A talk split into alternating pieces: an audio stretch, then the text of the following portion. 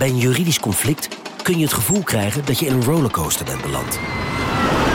Je wereld staat op zijn kop en je bent de controle even helemaal kwijt. Dan is het fijn als je bent verzekerd bij ARAG. Daar werken topjuristen en advocaten die je begrijpen. Die een stap extra voor je zetten. En je het gevoel van controle teruggeven. Met kennis en informatie, met heldere uitleg en met gericht advies. ARAG, juridisch probleemoplossers. Nieuw Aquarius Red Peach Zero Sugar. Met zijn heerlijke frisse persiksmaak zonder suiker draagt Aquarius bij tot jouw dagelijkse hydratatie en helpt zo mee om je vochtbalans op peil te houden tijdens alledaagse actieve momenten. Thuis, op het werk of onderweg. Ook verkrijgbaar in smaken lemon en orange. Probeer hem nu. Welkom. Wij zijn Onbehaarde Apen. Dit is een podcast van NRC over wetenschap.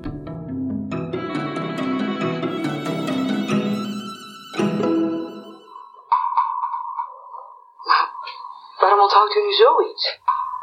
Rijdt u cijfers? Het is zo eenvoudig. Kijk, ze staan op de kustwacht. Zes is een patiënt met zijn voet in het gips. De acht is een dikke dame. De zeven is een heer met een snor. De één, een De twee daarachter, een knecht met een kromme rug van het sjouwen. De drie,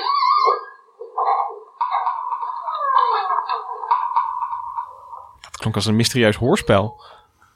Ja, maar het is een fragment van de Nederlandse film Zoek. Nou, daar gaan we het straks eens even over hebben. Ehm, dit is een nieuwe aflevering van NRC's Onbehaarde Apen. Mijn naam is Lucas Brouwers. En ik zit hier naast Hendrik Spiering. Hoi Hallo. Hendrik. Hoi.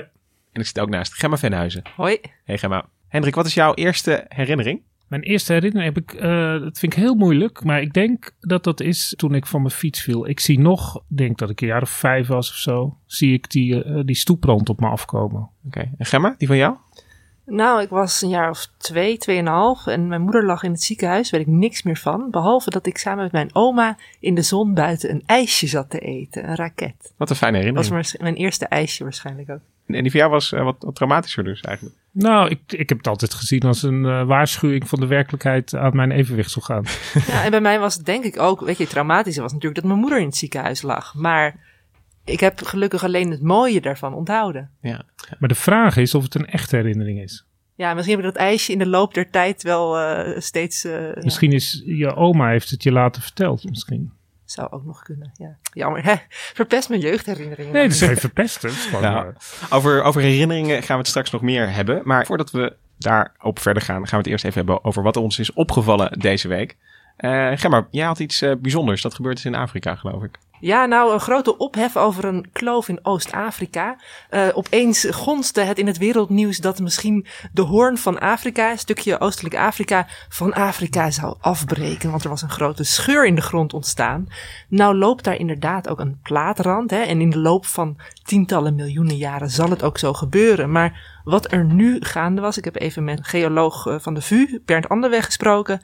En eh, ja, Bernd zei, ja, dit lijkt er gewoon op dat het ehm, pure regenerosie is. Dat er zacht materiaal was, doordat er zulke hevige re- regens vielen, dat er een, een diepe kloof ontstond. En waardoor hij kon zien dat het geen aardbeving, of ja, bij zo'n plaatrand, ehm, als daar beweging zou zijn, dan zouden er aardbevingen plaatsvinden. Maar hij zei van ja, er duidt helemaal niets op dat er een aardbeving is geweest. De leidingen in de grond bijvoorbeeld zijn nog helemaal intact. En dat is natuurlijk eh, bij een eh, flinke ramp, eh, als er echt wat beweegt in de ondergrond, wel anders. Mag ik dan zo zien dat deze scheuren eigenlijk een beetje aan de oppervlakte zitten en dus een beetje een kras op de bodem zijn? En het zijn dus niet van die hele diepe scheuren die uiteindelijk gaan ontstaan als die hoorn echt gaat loskomen. Nee, nee ja, nou ja, eh, Bernd zei van dit is een beetje zoals het in rampenfilms te zien is. Het ziet er spectaculair denken, uit ja. aan het Ja, ik oppervlak. heb de foto's gezien. Ja, maar ehm, eigenlijk, we hebben in Nederland bijvoorbeeld de peelrandbreuk. Hè? Ook, nou ja, dat is echt een breuk waar langs ook, ook ehm, aardbevingen plaats kunnen vinden. Nou, die heb ik een keer gezien. En dat was toch wel een beetje een deceptie. Ja, dat was dan in een zandlaag zag je een paar centimeter dat je dacht, oh ja, dit zijn een paar aardlagen ten opzichte van elkaar verschoven. Dus, Dus de echt spannende breuken, die zie je niet. ja, precies. Oké. Eh, wat, wat mij wel opviel, is iets wat in eh, Friesland is gebeurd. En eh, daar kunnen we eventjes naar luisteren.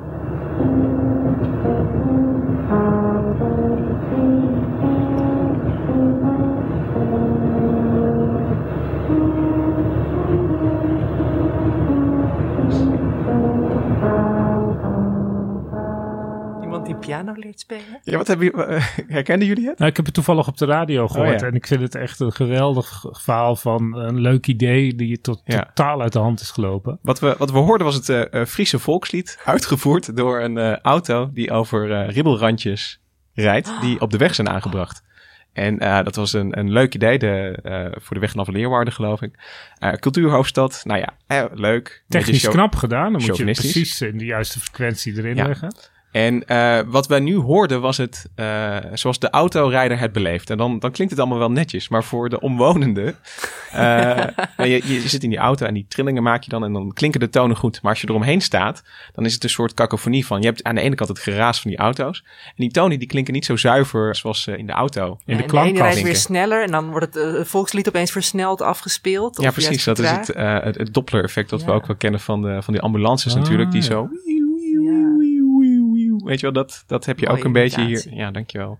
Dat, dat heb je hier ook een beetje. Dus eh omwonenden hebben geklaagd. En nu wordt de weg na een paar dagen eigenlijk alweer... eh de dribbels worden weer gedemonteerd. Schoon. Ja, want het- ik denk dat het ook nog gevaarlijk kan zijn. Ik weet dat er vroeger tussen het fietspad en de autoweg waren dan van die ribbeltjes die je kon voelen als je er overheen ging. Dus ik ging altijd op die lijn tussen autoweg en fietspad tot mijn moeder het me verbood. Die zei, ja, ja blijf jij maar gewoon netjes op het fietspad fietsen. Maar die ribbels... hebt op de waarschuwingsstrip altijd, reed je altijd. Ja, die, die, die, je zo kon voelen, maar tegenwoordig zie je ze alleen nog. Ehm, als, dus je, als je in de auto zit op de snelweg... dan, ja, dat dan is heb je ook nog ja, de, de, de, de, de, de wakkermaak voor als Ja. je in slaap valt. En, en eh, dat, dat is de hele mooie toepassing van deze techniek. En totdat eh slimmerikken bedachten dat je hem dus ook... Nou ja, ze brengen altijd een toon voort. Omdat het gewoon regelmatige ribbels zijn. En Ja. eh, daar kun je dus mee gaan spelen. Maar de, de nuttige toepassing blijven die waarschuwingsribbels op de snelweg. En ik, ik denk dat Nederland iets te dicht bevolkt is voor dit soort Ja. zingende wegen. Ja, zoals ze ook- zijn genoemd. Ik denk ook dat het een uitdaging is voor extreem gedrag. Want ik hoorde ook al dat eh, taxis in de nacht het op dubbele snelheid proberen af te ja, laten precies. spelen. Een beetje een soort technoversie Ja. van... eh, ja, nou jammer dat ik het gemist heb.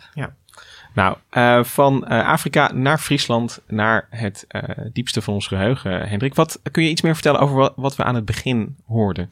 Ja, wat we hoorden was een, eh, een geheugen, een, een geheugenkunstenaar, een man met een ongelooflijk geheugen, die uitlegt hoe makkelijk het is om rijtjes cijfers te onthouden. Zes is een patiënt met zijn voet in het gips. De acht is een dikke dame. De zeven is een heer met een snor. De één een deftig heerschap. Dus hij ziet mensen in die cijfers. Voor hem hebben cijfers ook kleuren en geluiden. Het is een, een man die, die alles met alles verbindt. En daardoor, dat is ook de basis van zijn geheugen. Hij kan alles heel erg goed onthouden. En hij legt uit hoe hij dat doet. Als ik zie zo'n rijtje cijfers. Voor een normaal mens is, moet je al die cijfers uit je hoofd leren. Voor hem ontstaat er onmiddellijk een verhaal. Het is een, een rij mensen die staat te wachten op de bus. De zes is geloof ik een dikke vrouw. De zeven is een man met een bochel. En zo ziet hij dat allemaal voor zich. En het geluid komt uit een film. Een hele bijzondere film waarin een Nederlandse filmmaker, Erik van Zuilen, 30 jaar geleden al, eh, twee boeken heeft gefilmd van een eh Russisch psychiater. Het ene boek gaat over deze geheugenkunstenaar. En het andere boek gaat over iemand die juist door een, eh, een granaat in een, een, grana- een kogel die in zijn hoofd terecht kwam. In het leger zat hij in de oorlog. eh, zijn eh, woordgeheugen kwijtraakt. En nog veel meer. Dus dat is een strijd om, eh, om zijn geest te behouden. En die twee mensen ontmoeten elkaar. Dus film. aan de ene kant heb je de vergeter. En Ja. aan de andere kant de onthouder eigenlijk. Ja, en- zijn geen van beiden echt ongelukkig. En wie was die psychiater? De psychiater is Alexander Luria. Een eh, van eh, de bekende figuren uit het geheugenonderzoek in de jaren 50, 60, 70. Dat zit eigenlijk. Het het is een hele menselijke periode van onderzoek. Eh, Oliver Sacks komt daar ook uit, uit die, uit die sfeer. Waarin er heel erg wordt gekeken van hoe, hoe managt iemand zijn leven? Hoe kan die. Wat, wat, wat, wat, heel erg geïnteresseerd in hoe het past in het leven van die mensen. Ja, want Oliver Sacks, dat is die beroemde Ja. Amerikaanse psycholoog Ja, die, die- ook veel met geheugen bezig is. Ja, En, en, dit was eigenlijk de Russische tegenhanger van ja seks. absoluut. Maar die zijn we vergeten, deze man. Ja, ja, behalve als je dus die film uh, van Erik van Zuilen hebt gezien. Dan eh, vergeet je hem nooit meer. Maar, maar het, het zijn eh, zowel Luria als seks zijn dus allebei eh, mensen die keken naar hoe werkt ons geheugen door juist te kijken naar eh, als, er, als er iets misgaat in, in dat Ja. brein. Ja, en, en, en Oliver Sacks heeft dus fantastische eh, case studies gedaan. En ook verhalen voor het grote publiek. Luria is, een, eh, is iets wetenschappelijker. Denk, die heeft ook allemaal eh, meer wetenschappelijke artikelen geschreven. Maar hij is vooral beroemd om deze twee eh, boeken. En daarna krijg je de periode in de jaren 70 begint dat. De jaren 80, 90 wordt heel groot. dat er met scans in het brein wordt gekeken. Dan, heb je echt een revolutionaire ontwikkeling in hoe het in het brein zit. Dat kon toen eigenlijk helemaal niet. Ja, iemand had een kogel in zijn hoofd. Dan kon je dat een beetje zien. Wat daar mis was. Maar hoe het echt werkte was natuurlijk heel moeilijk. Maar voordat, voordat we het brein ingaan, nog even. Je, je zei net dat eh, deze mensen, de onthouder en de vergeter, zo noem ik ze maar even. Ik Ja. weet dat ze, dat ze namen hebben. Ja. Dat ze allebei ongelukkig zijn. Dat kan ik van, me, van de vergeter kan ik me dat heel goed voorstellen. Maar van de onthouder, dat, het lijkt me eigenlijk wel fijn om eh, nooit meer mijn telefoon te vergeten. Of, of te vergeten wat ik donderdagavond ook alweer gedaan heb. Ja, en dat heeft ook enorme voordelen. Zo komt ook eh, deze man, Shereshevsky heet hij, bij Luria terecht. Dat vertelt hij in het boek, komt ook in de film voor. Hij had ruzie met zijn baas, hij was journalist. En zo ging dat kennelijk in die tijd. Eh, de hoofdredacteur die gaf al zijn journalisten iedere ochtend vijf opdrachten. Ga daarheen, vraag daar hoe duur de eieren zijn. En de pub, ga daar naar dat ongeluk wat ik net gehoord heb.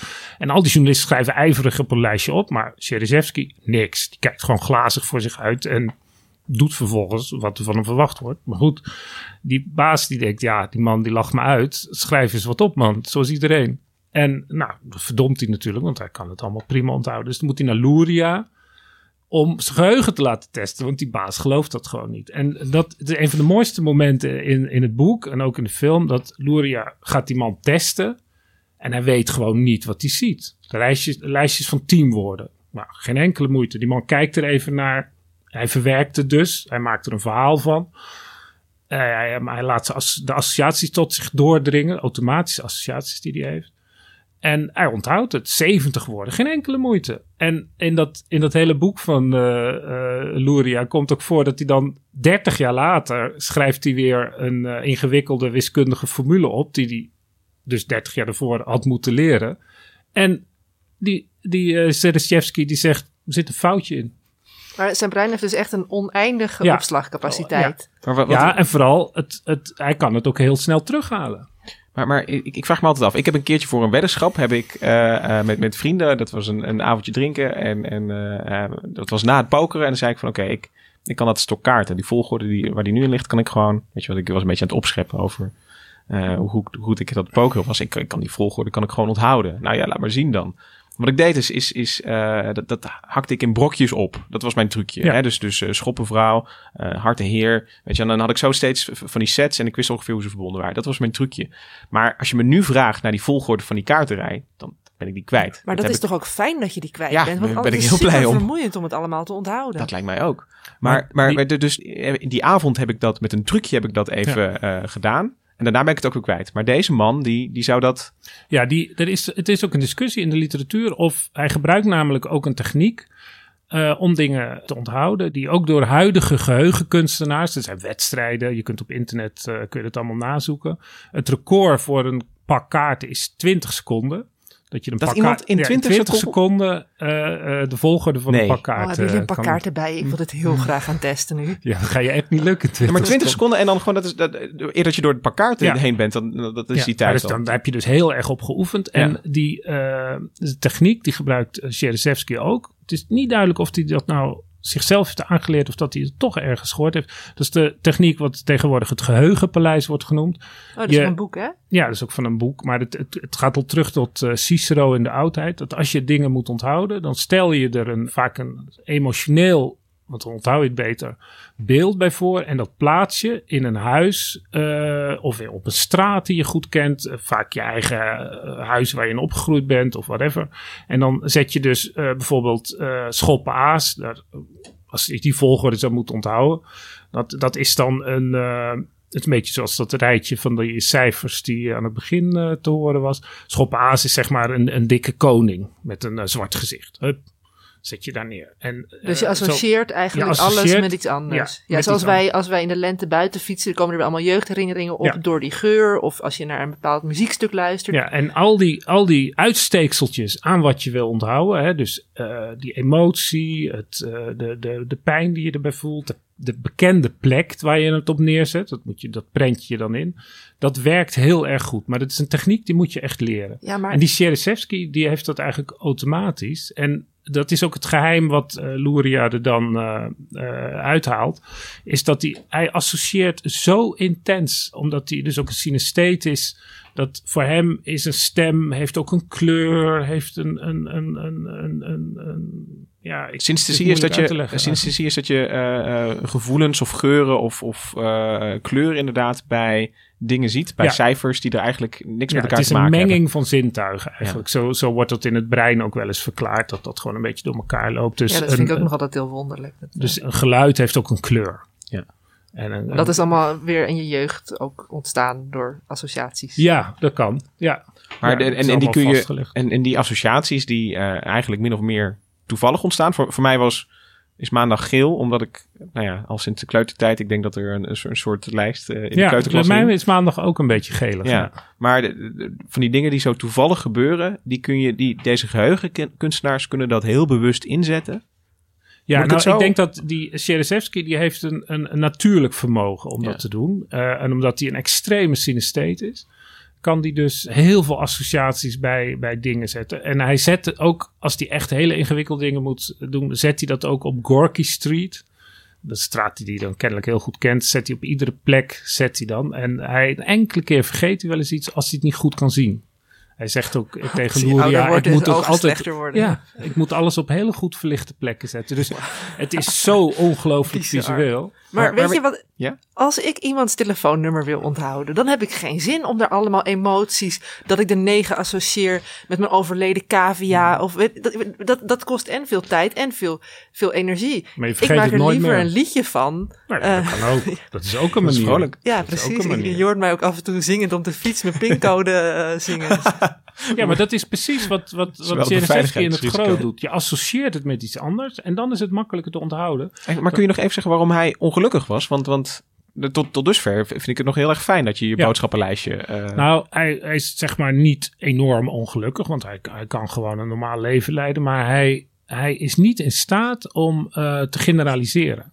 Als hij een, een hond ziet, als jij een hond ziet, dan denk je als een hond, dat boek je weg onder hond. Zoals een abstract woord in feite, maar iedereen weet wat het is. Hoewel je er ruzie over kan maken of eh, een soort kat ook een hond is.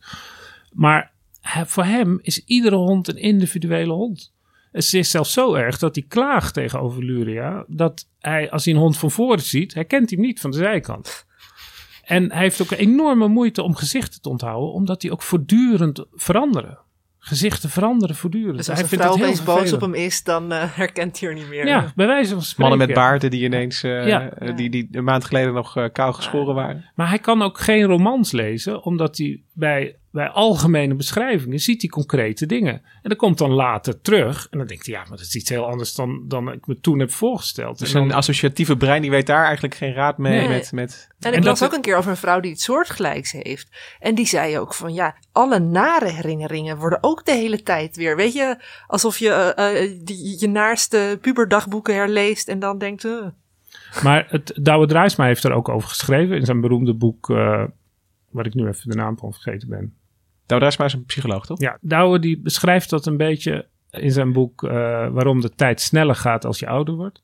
Eh, als eh, je moet om rationeel te kunnen denken, om abstract te kunnen denken, moet je kunnen vergeten. Je moet al die individuele dingetjes die eronder liggen, moet je vergeten. Je kunt niet een vakantie plannen als, het, als je geen algemeen begrip hebt van wat je leuk vindt op vakanties. Als iedere vakantie een individueel iets is. Oh, dat, dat zou een nachtmerrie zijn als je, Als als, nachtmerrie. als, je, als je op de bookingsite zit en alle vakanties die je hebt gehad flitsen voor je geestesoog voorbij. Dat zou, eh, dat zou het boek een stuk lastiger maken. Maar dit, wil je niet meer op vakantie? Al die kakkerlakken en muggenbeten. hou op.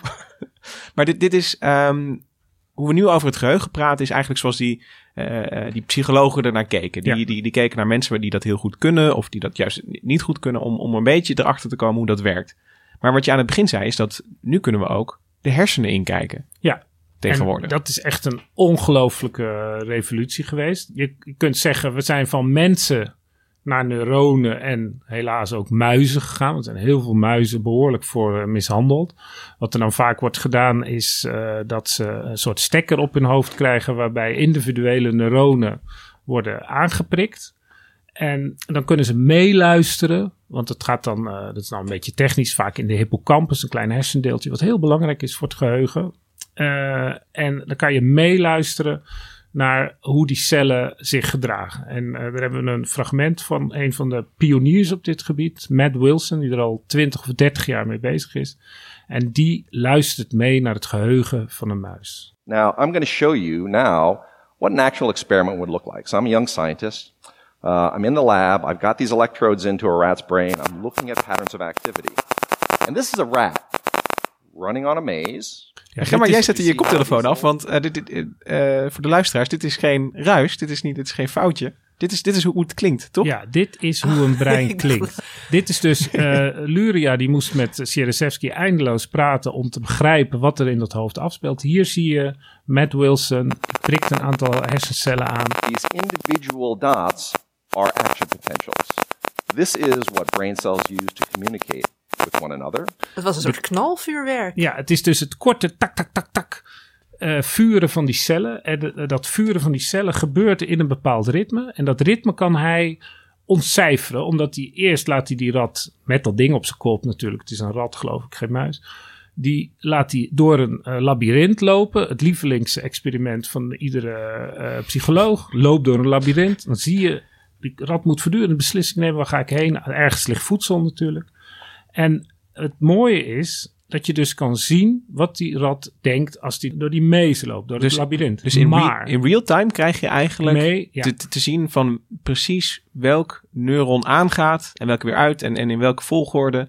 Ja, dus wij luisteren naar de, naar de herinneringen van de muis. Nee, je luistert nu naar de vorming van de herinnering. De ervaring. De, de ervaring.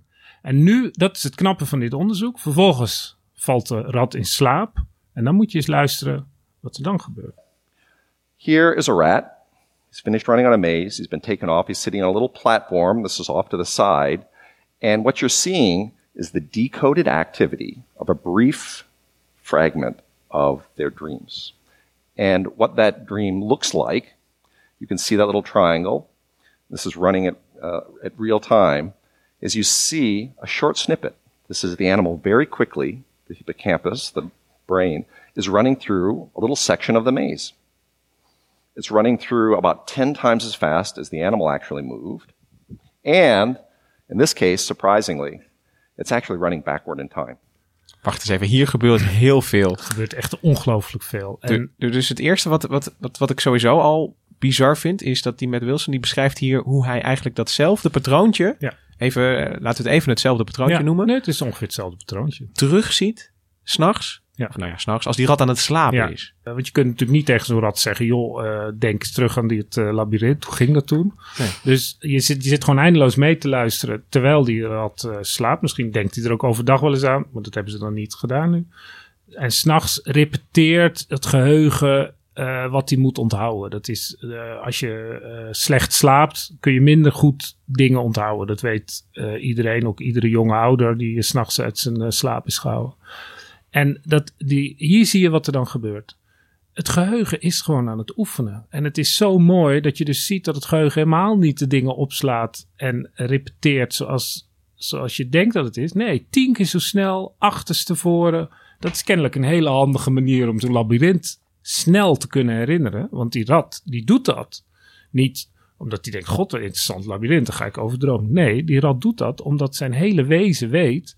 morgen moet ik misschien weer naar dat labyrint. En dan wil ik, en dan wil ik weer dat voedsel pakken. Ja. En dan wil ik het nog sneller kunnen, want misschien loopt er wel een rat achter hem aan. Dat weet je niet. Dus het is allemaal functioneel. Ergens in het brein wordt besloten, dit gaan we opslaan.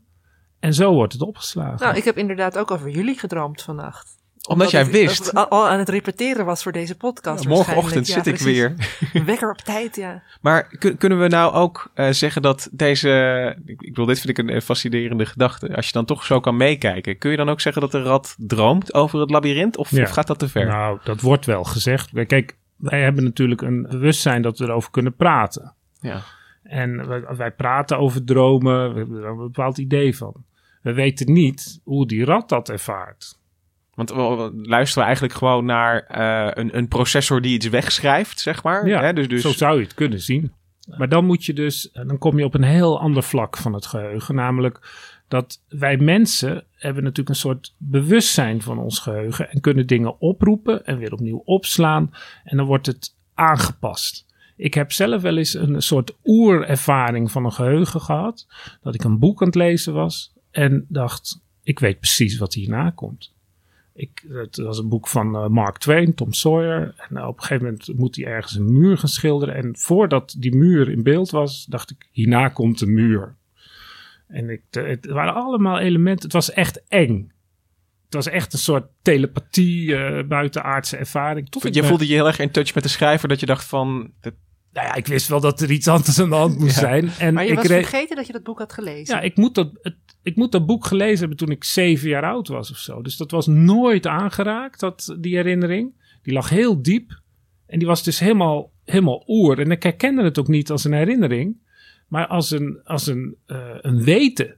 Misschien dat zo'n rat ook niet een herinnering heeft, maar een weten. Ja, ja, dus, de- Ja. dus, dus dat hij de volgende keer dat hij in hetzelfde labyrint is, dan, dan, eh, eh, dan in plaats van dat hij alles ervaart voor de eerste keer, eh, kan hij iets oproepen. Misschien net zoals jij dat, dat boek een beetje herkent, maar dat hij denkt, oh, links. Ja, zo. Ja, maar dat, dat, dat het een soort, zoals het, het lijkt alsof het instinct is dan, maar Ja. dan heeft hij het het is natuurlijk geleerd. Ja, Het precies, maar dat, dat weet hij dan niet meer. Ik bedoel, hij, Nog- hij nog- doet het gewoon. Nog Maar één de- dingetje, Hendrik, wat je zei aan het begin is, is dat van ja, helaas is er heel veel, zijn er heel veel ratten en muizen eh, voor dit onderzoek gebruikt. Maar ik vind het eigenlijk wel mooi dat, dat, eh, dat je ook eh, op deze manier proefdieren kan gebruiken om, om zo diep het geheugen Ja. in te kijken. Ja, het- ik zeg dat omdat de muizen en ratten zelf geen, eh, Die hadden geen stem hierin. geen stem meer in. Wat, wat ik wel mooi vond, doet me opeens denken aan een film die ik gisteren zag. Bewaren of Hoe te leven, net nieuwe documentaire.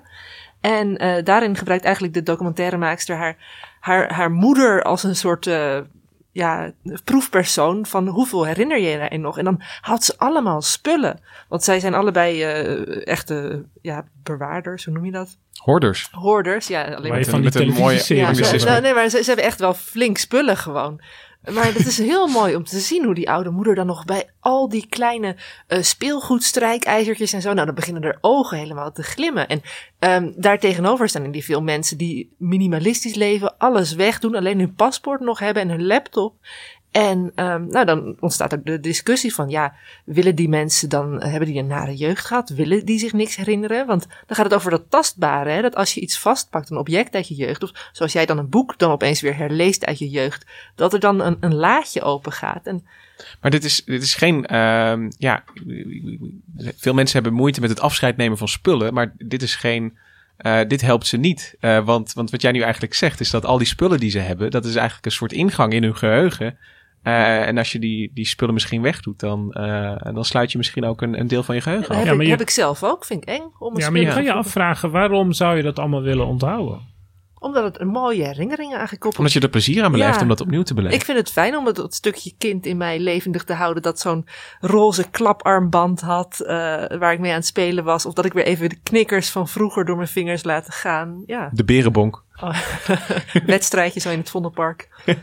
Nee, maar dat, dat wat je net even terloops zei, Hendrik, vind ik, vind ik ook nog wel een, een enge gedachte. Jij zei dat eh, als je herinneringen, hè, die, die herinnering Mhm. van Tom Sawyer, die was onaangeraakt. Maar je zei van als je herinneringen ophaalt, dan zijn ze ook beïnvloedbaar voor verandering. Ja, elke keer als we iets, on- ons iets herinneren, verandert de herinnering.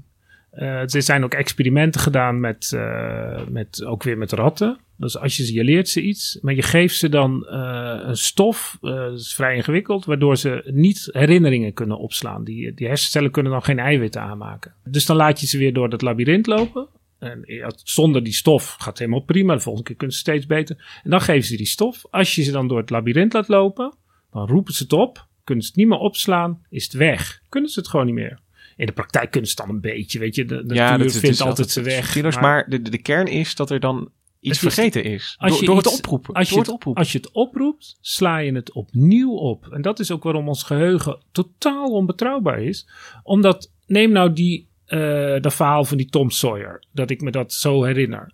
Ik herinner me niet meer die, herinner, die oerherinnering. Ik heb alleen de herinnering dat ik dat toen zo ervoer. Dat is dus deel geworden van een grotere herinnering. En dan zie je weer dat enorme netwerk van, van, van, van herinneringen. Alles hangt met alles samen. Alles wordt opnieuw in een nieuwe envelop gedaan. En nieuwe rand eromheen. Uh, er komen, stel voor dat jij heel overtuigend zou kunnen vertellen hoe je dat ook een keer hebt meegemaakt. Dan zou ik elementen van dat die herinnering in mijn eigen herinnering stoppen. Ja, en wij maken nu eigenlijk al deel uit van je herinnering, want je vertelt hem hier aan ons. Ja. Dus de volgende keer dat je aan denkt, denk je, oh ja, ik weet nog hoe ik Lucas en Gemma daarover vertelde. En zo kunnen, zijn er ook En allerlei... wordt je verhaal ook mooier misschien. Ja. Of, of, of. Ja, Fijn dat wij een plekje in Hendrik's geheugen hebben. Maar, maar, maar hoe ik zou willen dat mijn geheugen werkt, is als een soort eh, archiefkast waarin alles gewoon heel netjes is bewaard en opgeslagen. En eh, eh, hè, als een soort van, van backup, zo van, Ja. dat kan ik oproepen. Maar, maar, Maar het, beeld dat je, ja. ja. het beeld dat je nu schetst is anders. Is, is dat er, eh, hè, misschien valt er een, een stukje van het papier af. eh, eh, als ik, als ik een, een herinnering uit die archiefkast heb getrokken. Ja, er is een, een psycholoog, die heeft er ook over geschreven. En die zegt het een beetje grappig. Die zegt het nut van geheugen is het verleden voorspellen en de toekomst herinneren. Want daar maakt hij dus eigenlijk een grap van. Het, het, het is, we leven eigenlijk alleen in het heden.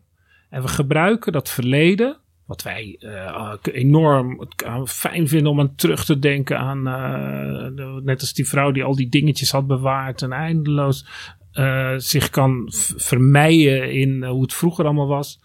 Dat, daar heb je eigenlijk niks aan. Het enige wat je hebt aan je geheugen is dat het makkelijker maakt om een soort scenario's te bedenken hoe het in de toekomst gaat. Zoals die rat die denkt, oh dat labyrint belangrijk, ga ik onthouden, er zit eten in.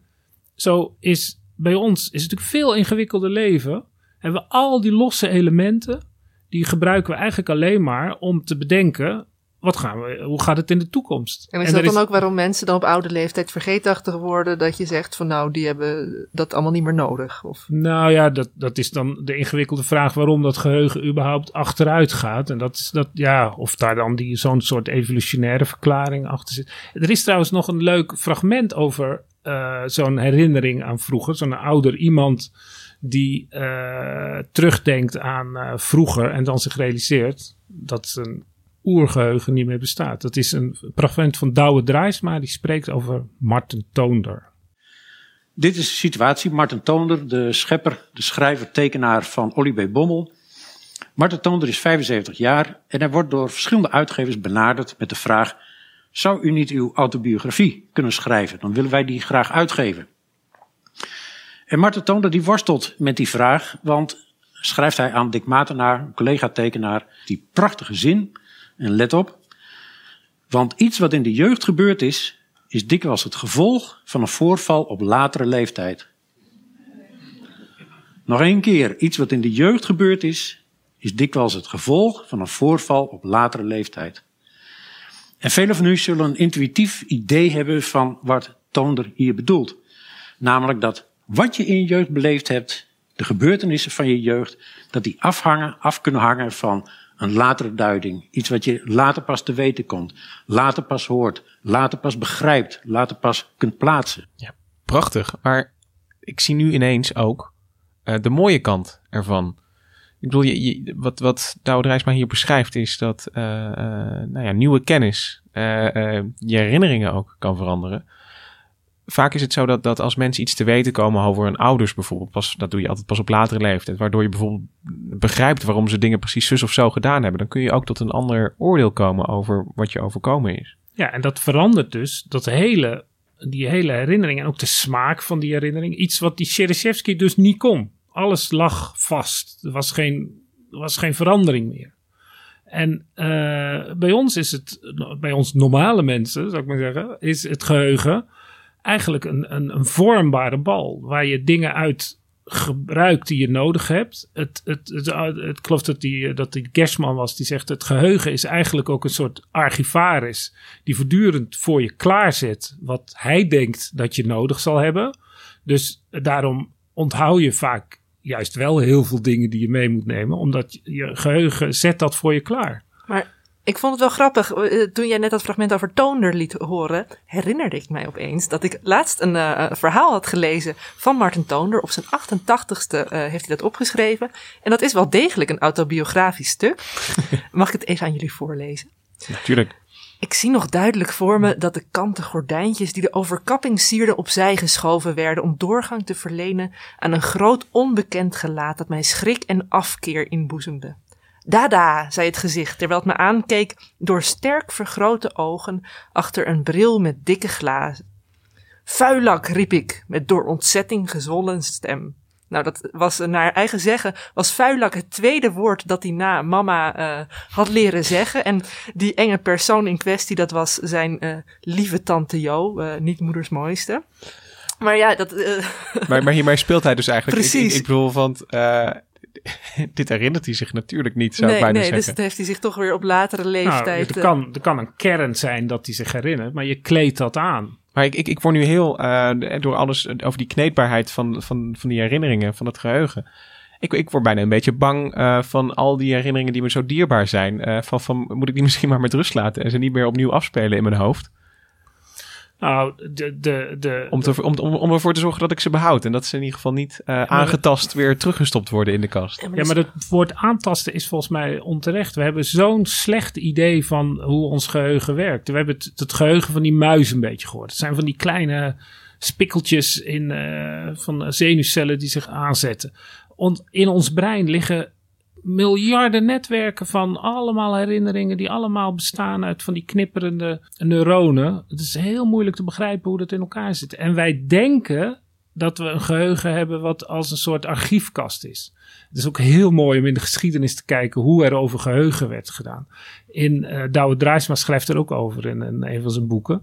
Dat in de, in de, ik geloof het begin 19e eeuw werd er gedacht in een panorama. Toen ik doodging zag ik mijn leven als een panorama, net als panorama mesdag. Dat was een tijd dat er veel panorama's Ja, geschilderd ja. werden.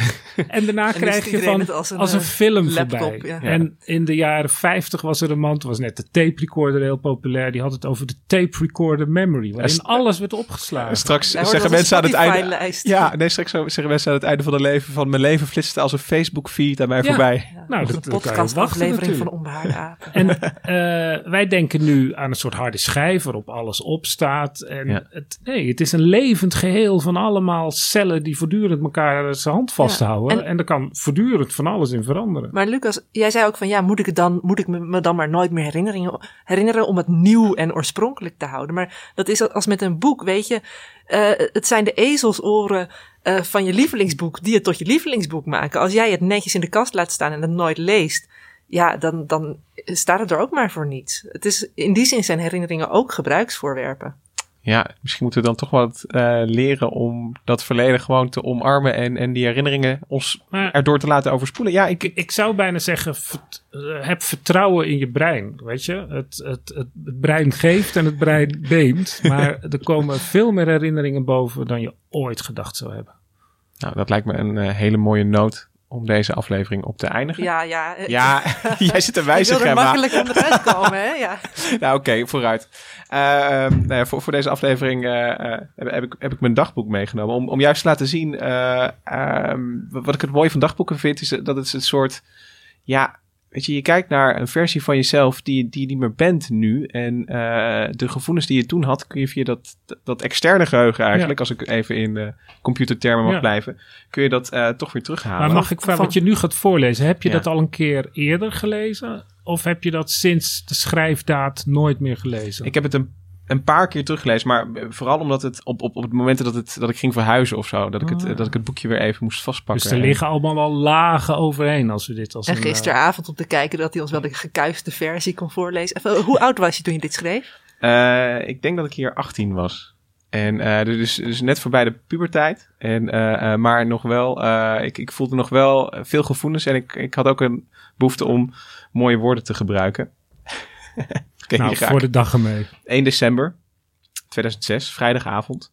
Wat ik haast onmogelijk achtte is vandaag gebeurd. Het is uit tussen haar en mij. Zij wil rust, afstand. Ze heeft gisteravond met Harm Pieter gezoend. Echt geloven kan ik dat nog niet. Ik dacht dat wat wij hadden sterker was dan dit alles. Het vertrouwen in onze relatie is ineens weg. Ik vind het ongelooflijk dat zij het zo ver heeft laten komen. Ze heeft ook oprecht spijt. Komt het ooit nog goed? Ik hoop vurig van wel. Het voelt als meer dan dit. De tijd zal het uitwijzen. Dit wordt een ontzettend zware, moeilijke tijd. Wauw. Nou, Ja. Het is wel te snappen dat jij ooit journalist bent geworden. Maar het, het gekke is, kijk, dit, dit is geschreven in, in, in de tijd van, ja, met allemaal gevoelens. En als ik er nu naar terugkijk, voel ik die gevoelens niet. Ik voel nu een beetje schaamte dat ik het voor heb gelezen. Ik, ik- Nee, het grappige is dat ik nu wel die situatie die je beschrijft, roepen bij mij hele vage herinneringen aan, aan, aan Ja. vergelijkbare situaties. ja, op. Harm Pieter, als je luistert, foei. Was er nou van eraf gebleven? Nou ja, kijk, nu, nu kan ik er ook. Maar- Weet je, nu kan ik er ook om, om lachen. Maar, maar dat, dat, als ik nu die 18-jarige hier aan tafel had gezeten, die, die was ontroostbaar. Maar oké, dat was die 18-jarige toen, maar alles zit nog steeds in jouw hoofd. Ja. En heb je een herinnering aan die emotie van toen? Ja, ik, ik heb herinneringen, maar dat, het grappige is dat dat is niet wat er hier dan in staat. Dus, dus ik heb herinneringen van, van huilen in de gang en, en, en mijn moeder bellen en dat soort dingen. Maar niet eh, eh, de herinnering die. Dat, staat daar hier dan weer niet Nee, in. maar- dat vind ik ook weer grappig. Ik, ik, ik ging ook zoeken naar mijn puber, puberdagboek, hè, want ik dacht eerlijke ruil. Maar toen dacht ik, ja, ik heb volgens mij uiteindelijk eh, de dagboeken die ik vond, die waren leeg. Of op een paar regels eh saaie. Een leeg dagboek. Nee, maar Dat weet lijkt me een zaak van ik, ik zat vol met, ehm, ik zat vol met emoties en, en, en die herinneringen zijn ook nog wel in mijn hoofd. Maar ik vond het zo moeilijk om dat mooi op te schrijven. Want tegelijkertijd had ik wel dat verlangen inderdaad om het, om het op een eh, poëtische manier te verwoorden. Ja. Maar dat lukte gewoon niet. Nee. Want het was allemaal zo intens. En ik dacht, ja. Ja. alles wat ik erover ga schrijven, dat wordt ofwel heel lelijk en dan schaam ik me als iemand dit ooit leest. Of het wordt mooi, maar dan is die oorspronkelijke emotie, dan was het dus inderdaad te veel vervormd. Maar dat herinner je dus allemaal wel nog. ja, dat, dat- die, die afweging. Dus we hebben nu een opgeschreven eh, dagboekfragment wat je jezelf eigenlijk niet meer herinnert. Je hebt hele andere herinneringen aan die tijd. Ja, zeker. En jij hebt niks opgeschreven en, eh, herinnert je ja. En ik vond bijna bij, bij, bij het zoeken van, naar mijn oude dagboeken, vond ik de eerste liefdesbrief die ooit aan mij is geschreven. nou, die zou ik niet in, integraal voorlezen, maar daar stond onder andere in, eh, hoewel ik normaal al een dromer ben, kan ik soms zo afgeleid zijn door een gedachte aan jou, dat ik onnadenkend pas gesneden sinaasappelpartjes weggooi in plaats van de schillen. Wat kreeg jij een mooie liefdesbrieven? Nou, ik vond dat zo, ik vond het super mooi. En er kwamen allemaal herinneringen boven aan die relatie. En ik dacht, nee, waarom, waarom heb ik dit ooit gewoon, zit ook wel een soort heb ik het ooit uitgemaakt? ja, dat is waar. Ik heb daarna een nieuw netje sinaasappels voor hem gekocht. Maar ik, ik vond dat heel mooi, want er kwamen weer heel veel liefdevolle herinneringen eh, kwamen boven. En ik dacht, ik moet deze brief nu naast mijn bed leggen. Maar die zijn er dus avond- allemaal wel. Die, worden- die worden aangeraakt door. eh, die, die, als je die brief leest, dan komt er een soort proces in je hoofd op gang. Waardoor er weer op allerlei, ja, zou ik maar zeggen, deurtjes worden geklopt. En er komt van alles uit. Ja, ik, ik zie het toch, deze hele aflevering, als een, eh, als een aansporing om niet te veel eh, weg te gooien. Zodat je toch nog ja, de mogelijkheid openhoudt om eh, voor die herinneringen om aangeraakt te worden. Eh, door, eh, nou ja, door van alles wat, wat je associeert en wat er in je opkomt. Zullen we op deze noot eindigen? Ja. Oké. Nou, dit was eh, weer een aflevering van Onbehaarde Apen. Ehm, ja, we hebben, we hebben luisteraars en dat vinden we fijn. Alleen, eh, we zagen ook dat we mensen onze podcast beoordeeld hadden in iTunes, maar nog geen recensies eh, hebben achtergelaten. En daar zijn we eigenlijk wel heel erg benieuwd naar. Dus als je eh, via iTunes luistert, laat een recensie achter. En dan, dan weten wij hoe jij over ons denkt. Je kunt je ook abonneren op onze podcast in Stitcher of in iTunes dus. Eh, ook met Spotify kun je tegenwoordig eh, eh, jezelf op podcast abonneren. Dus doe dat vooral. En zeg het tegen iedereen die van wetenschap houdt of van de wereld om zich heen, die een beetje nieuwsgierig is, dat er een hele leuke podcast over wetenschap is. Tot de volgende keer.